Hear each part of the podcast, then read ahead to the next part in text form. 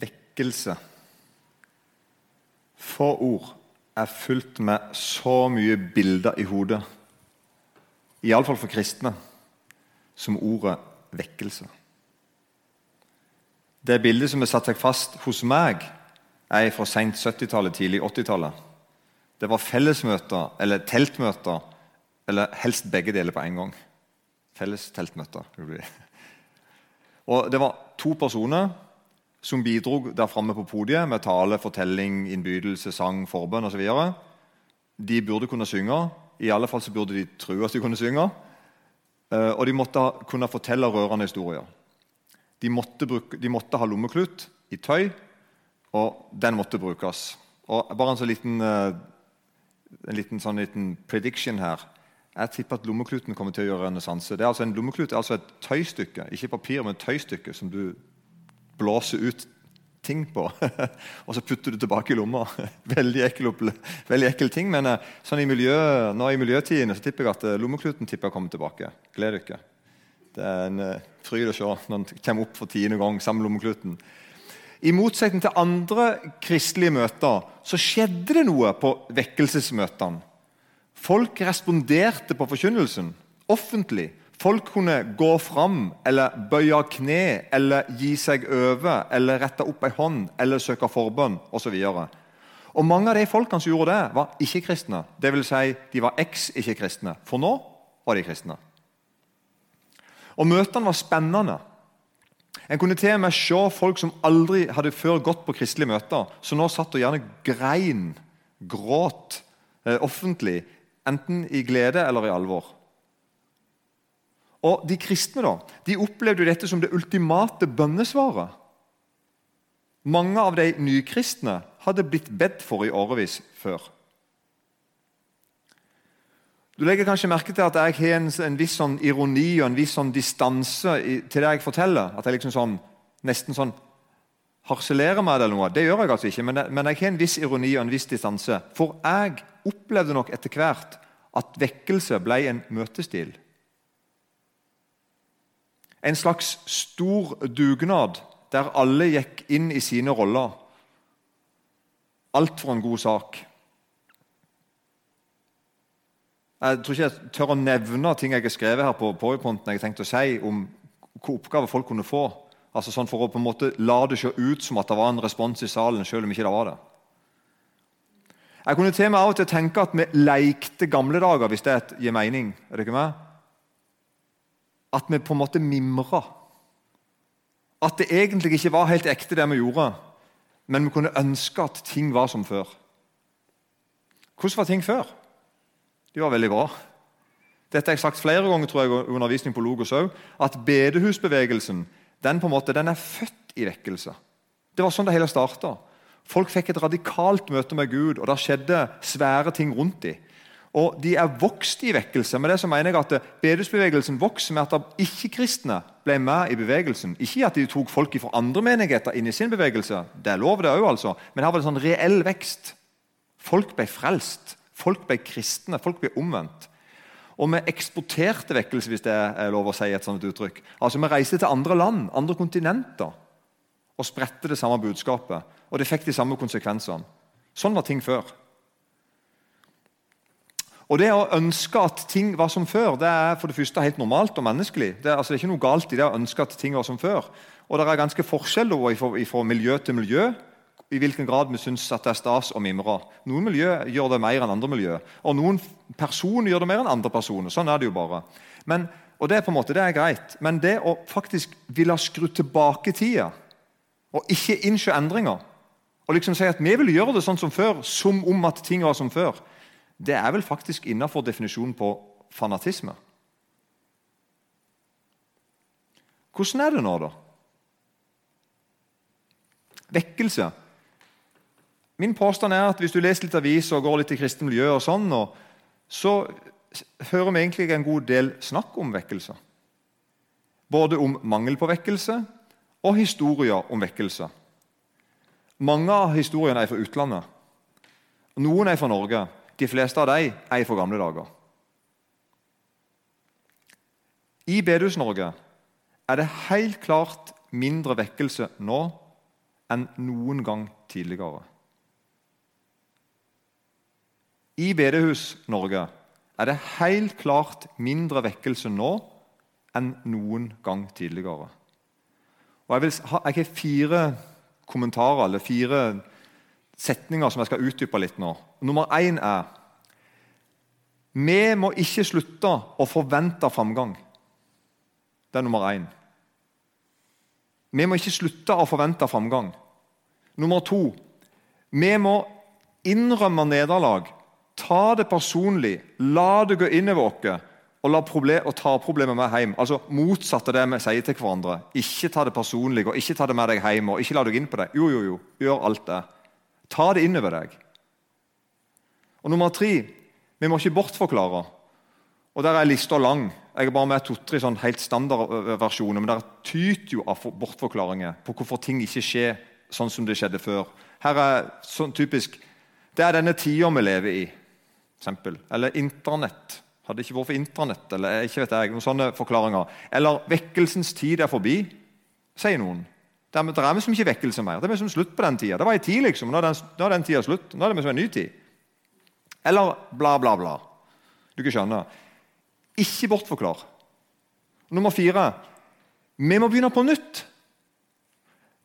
Helt på nytt. Vi må spørre hva er vekkelse? Hva er egentlig vekkelse? Egentlig, altså. Og For å si litt om de fire tingene han har sagt Jeg elsker folk som er skuffa på ordentlig. Jeg mener det jeg sier nå. Det er fantastisk, fantastisk å møte personer som er skuffa helt på ordentlig, på ekte. Som ikke distanserer seg og trekker seg tilbake med unnskyldninger, bortforklaringer, liksom. Men som faktisk gråter, som kjemper, som ber. Det er fantastisk å møte sånne folk, og de fins. Når oppslutninga daler, liksom, når færre og færre ser ut til å ville følge Jesus der som du bor, eller i det miljøet du kommer ifra osv., la det bli et problem. Finn noen å grine i håp med. Seriøst. Finn noen som anerkjenner din sorg, og som kan finne den samme sorgen hos Jesus Kristus sjøl. Det har jeg gjort. Det er så godt, og det er så rett, og det er så viktig å kunne stå på et kristent møte og si rett ut at arbeidet der og der, som jeg er med i, arbeidet som vi holdt på med der og der og der, vi lykkes ikke med det. Jeg har skrevet her si det høyt, si det til søsken. Forvent å bli trodd. Forvent at de vil dele din skuffelse, din sorg som faktisk også er Guds sorg. Og hvis du er i et miljø som ikke gråter sammen med deg over dette, som ser ut til å klare seg på en måte godt, pass deg. Da er du i et farlig miljø. Det kan være at du må være litt i det miljøet og så la folk få tid til å ta det inn over seg, det du forteller. ikke sant? Det er ikke det jeg mener. Skal ikke bare komme der en tirsdag og bræle løs og gå igjen på en onsdag dagen etterpå. liksom. Greit nok det. Men det er et veldig farlig miljø hvis du står og legger inn over folk en nød, en sorg, en skuffelse som er helt sånn åpenbar rett av deg å dele med noen, og du merker at folk på en måte ikke tar det inn over seg. Det er farlig. Og her er jeg synda. Jeg har latt åndelige søsken roe meg ned med all slags forklaringer noen har til og med sagt til meg du må ikke la det gå inn på deg. Men det må det. Det må gå inn på oss som kristenfolk når ting ikke går sånn som det skal. Og vi ser jo at I Bibelen så ser vi at Gud han, han på en måte, han betror seg til sine.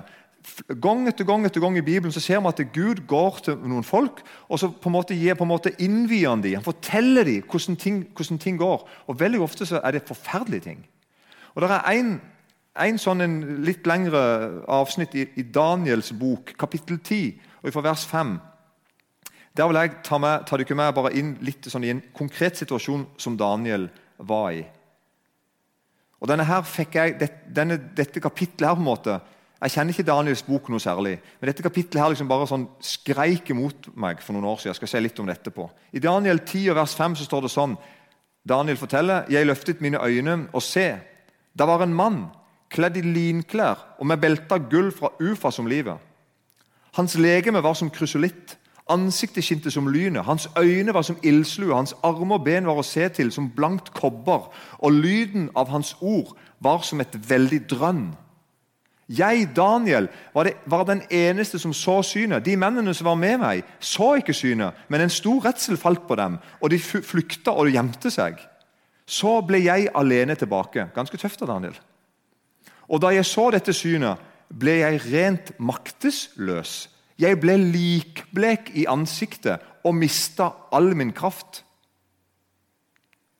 Men jeg hørte lyden av hans ord.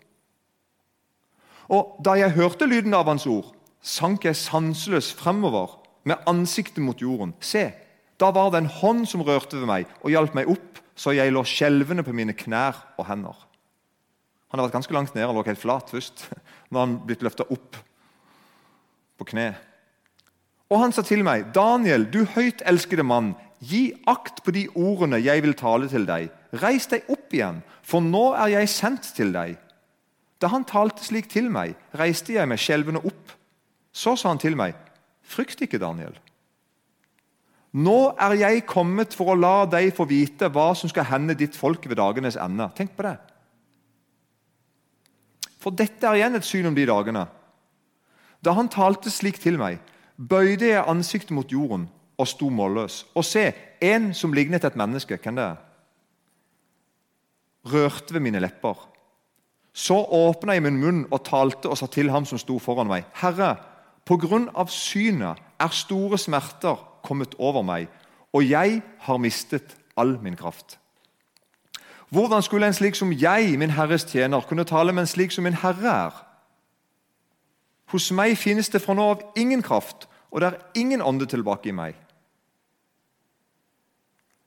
Han som lignet et menneske, rørte ved meg igjen og styrket meg, og han sa, Frykt ikke, du høyt elskede mann. Fred være med deg, vær frimodig og sterk.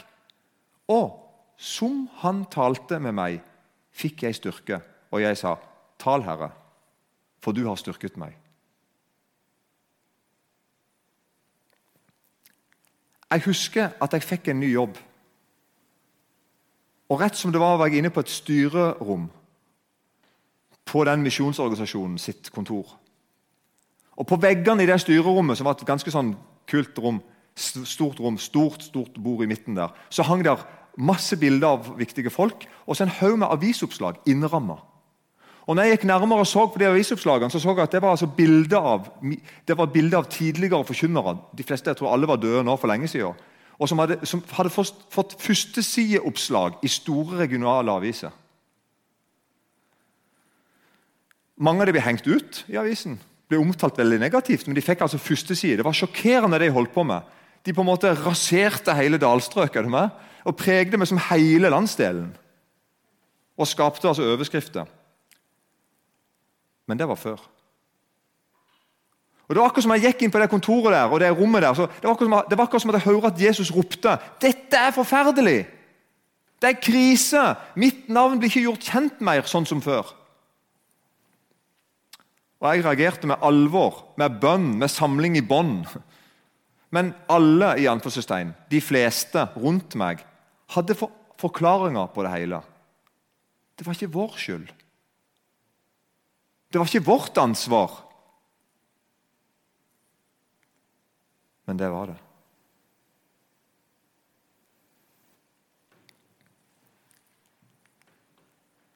Mange mente det var negativt å snakke om krisen. Vi måtte liksom ikke fokusere på det. Det kunne være alt fra antall, antall ditt til antall datt. Sant? Det er mange måter å måle forskjellige ting på sånn ytre sett. Og Mange mente at vi må ikke holde på med det. Men jeg innså vi ligger ikke på kne foran Gud og roper på Han. Hvorfor ikke? Noen tenker det var fordi vi var på en måte motløse. Vi var så, vi var så, vi var så triste og leie og sorgtunge at vi klarte ikke det engang. Men det gir ikke mening. gjør Det vel? Det gir jo ikke mening. Så jeg så mer og mer. Nei, vi er stolte. Stolte ved det vi har gjort før og det vi har fått til. Ikke snakk om vi skal bøye oss ned for Gud og si at vi har gjort noe galt. hjertet vårt sier, hvis ikke folk vil høre på oss nå for tida, så er det deres problem. Vi trenger iallfall ikke å forandre på noe. Legg merke til Daniel ble slått helt ut av det Gud fortalte han. Sant? Når Gud kom og sa at nå har jeg kommet til deg for å fortelle deg hvordan det skal skje med folkene i det siste tida, så sier Daniel at nå mister jeg hele kraften min. Altså Helt aldeles. Jeg jeg er maktesløs. Han ble likbleik og kraftesløs. Men legg merke til det varte ikke så lenge. Og Sånn er det nok for meg og deg òg. Det å bli orientert av Gud om hvordan situasjonen er i et land, i et folk, i en menighet, i en forsamling, i en organisasjon, hva det måtte være. Det kan godt være at det slår deg i bakken, men så lenge det er Gud som orienterer deg, så kommer han til å reise deg opp igjen. Ikke som en fjott som ikke, som ikke forholder deg til virkeligheten, men som en som har vært helt sånn som Daniel, blitt på en måte, måtte bøye seg helt for dette her er en umulig oppgave for oss, Gud. Men når han taler til oss, så kjenner vi at da blir jeg med. Så det å ikke ville ta inn over seg alvoret men bare på en måte, på en måte Jeg vil ikke ta helt inn over meg hvor alvorlig det er. Jeg vil liksom bare vite litt og litt og litt om gangen. Du må ikke, må ikke få sånn brutale tilbakemeldinger. Det tror jeg innebærer til slutt at du blir knust langsomt. Du mister bare mer og mer og mer oversikten og trua og futten og farten. på en måte. Og det er ingen der til å plukke deg opp. Bibelen har faktisk et uttrykk på dette. her å bli liggende etter. Det uttrykket jeg har brukt to-tre ganger i hebreerbrevet, iallfall i oversettelsen min. Det er et uhyggelig begrep. Det var noen som ble liggende etter. Du må ikke bli en av de som drar deg unna Gud.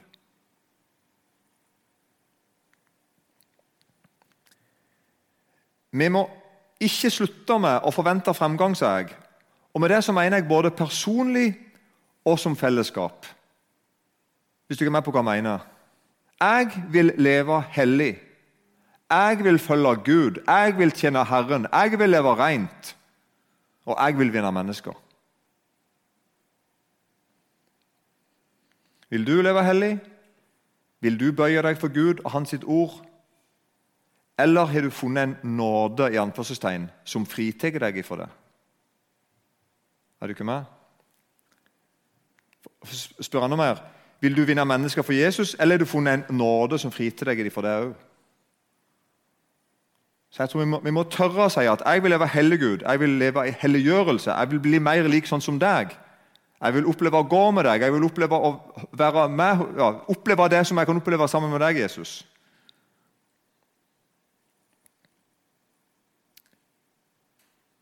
Jeg oppdaga en ting for mange år siden at det har, skjedd en radikal endring i forkynnelsen, særlig knytta til vekkelse. Og Dette er på en måte min, min egne personlige opplevelse. Det er ikke sånn ting jeg har lest meg fram til, sånn, så derfor er jeg veldig åpen for at dette kan diskuteres. Men helt soleklart så opplever jeg en stor forskjell, en stor endring i, um, i forkynnelsen. Her er et sitat som er sånn ganske ordrett et sitat som, som jeg hørte under sånn et slags vekkelsesmøte for en del år siden. Det ble sagt sånn Du kan komme til Jesus nå i kveld, og du trenger ikke å slå, slå blikket ned eller skamme deg. Jesus er stolt av deg, og han kommer ikke med pekefinger i møte med deg. Nei, løft blikket og kom. Hva er det for noe? Et par ganger på sånne møter så gikk jeg fram og sa ifra. Altså på møtet. Følte for at eh, Jeg følte at jeg måtte gjøre det. Det var noe som kolliderte. En gang husker jeg spesielt. Da var det sånn at jeg fikk et, jeg fikk et ord. og det, da, altså, det, bare, det, bare, ropte til meg et bibelvers. Jeg skal øyeblikk lese Det det står i Jesaja 57, 15. Det bare, ordet bare sånn ropte til meg når jeg satt nede i salen. og Det var, det bare stinn brakke i lokalet. Og Det ble sagt noe fra på talerstolen, og det ble oppfatta av meg som satt i forsamlingen på sånn måte at jeg kjente dette går jeg ikke med på. Så jeg gikk opp og, og las det verset der og sa bitte grann om det. For så sier den høye, den opphøyde, han som troner for evig, han som bærer navnet hellig. I det høye og hellige bor jeg, og hos den som er knust og nedbøyd i ånden, for å gjøre levende din nedbøydes ånd og gjøre de knustes hjerter levende. Men poenget mitt var det, at jeg hørte at de trakk i tvil om du skulle være knust. De på en måte sa at 'ikke vær knust'.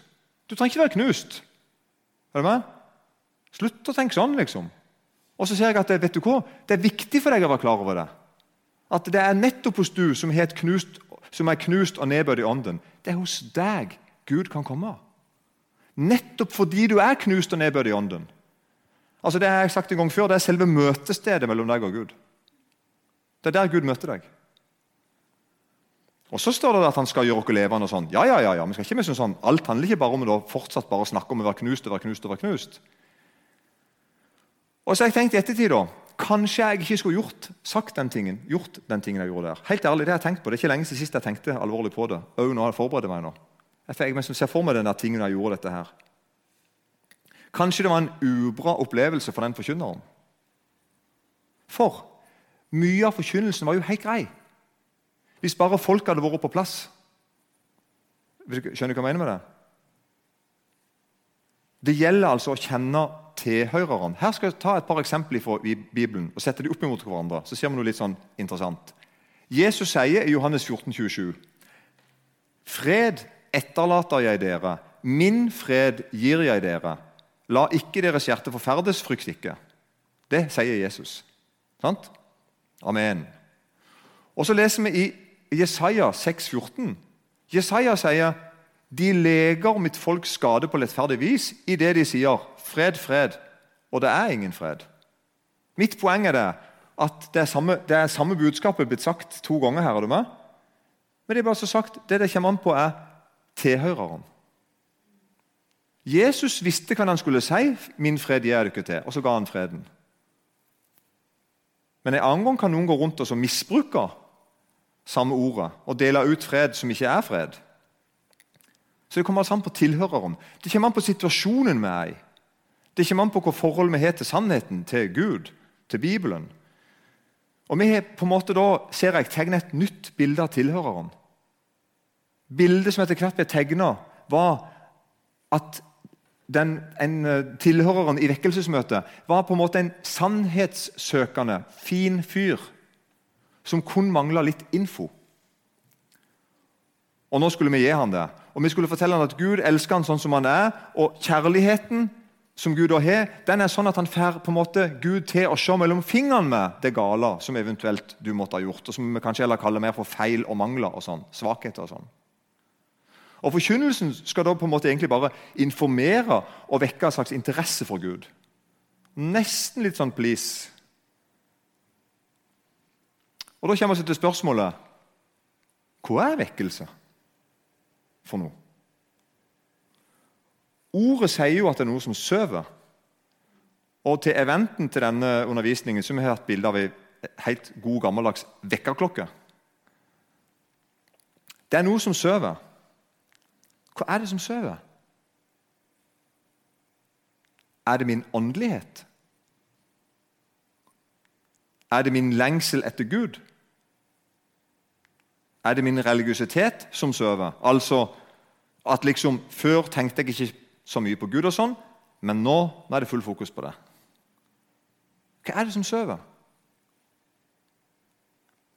I en vekkelse er det noe som våkner i møte med Gud din samvittighet. Det var samvittigheten din som sov.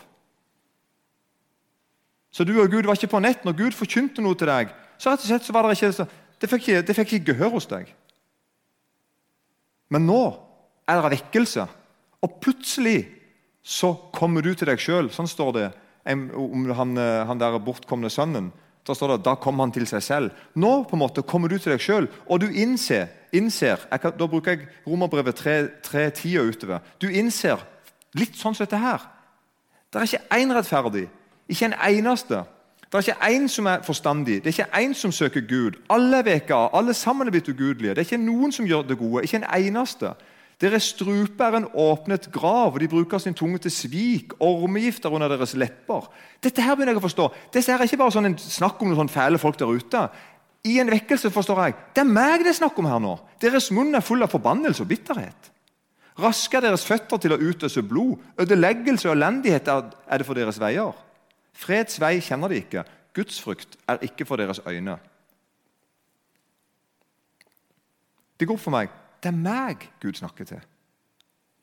Det er jeg som er krenka han. Og For de aller fleste da, så kommer inn i vekkelse. Dette er, en sånn, er min påstand. I, fall i Norge er det sånn, For de aller fleste så kommer inn i en vekkelse der dette skjer, der det begynner å gå opp for, for deg at jeg er med Gud å gjøre. Så er det ikke revolusjonerende nye opplysninger. Det aller meste av det du hører, har du hørt før. Du har kanskje til og med visst alt ifra før. Du har kanskje til og med vært uenig i det, eller lei av det, til og med, eller trodd at dette kunne du iallfall. Men i en vekkelse så skjer det noe rart. Plutselig har det oppstått en situasjon, noe akutt, noe som ikke kan vente.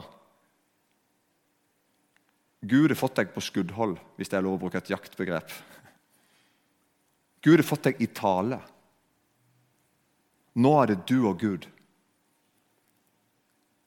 Nå er gode råd dyre. Eller ubetalelige. Spørsmålet blir hva skal jeg gjøre?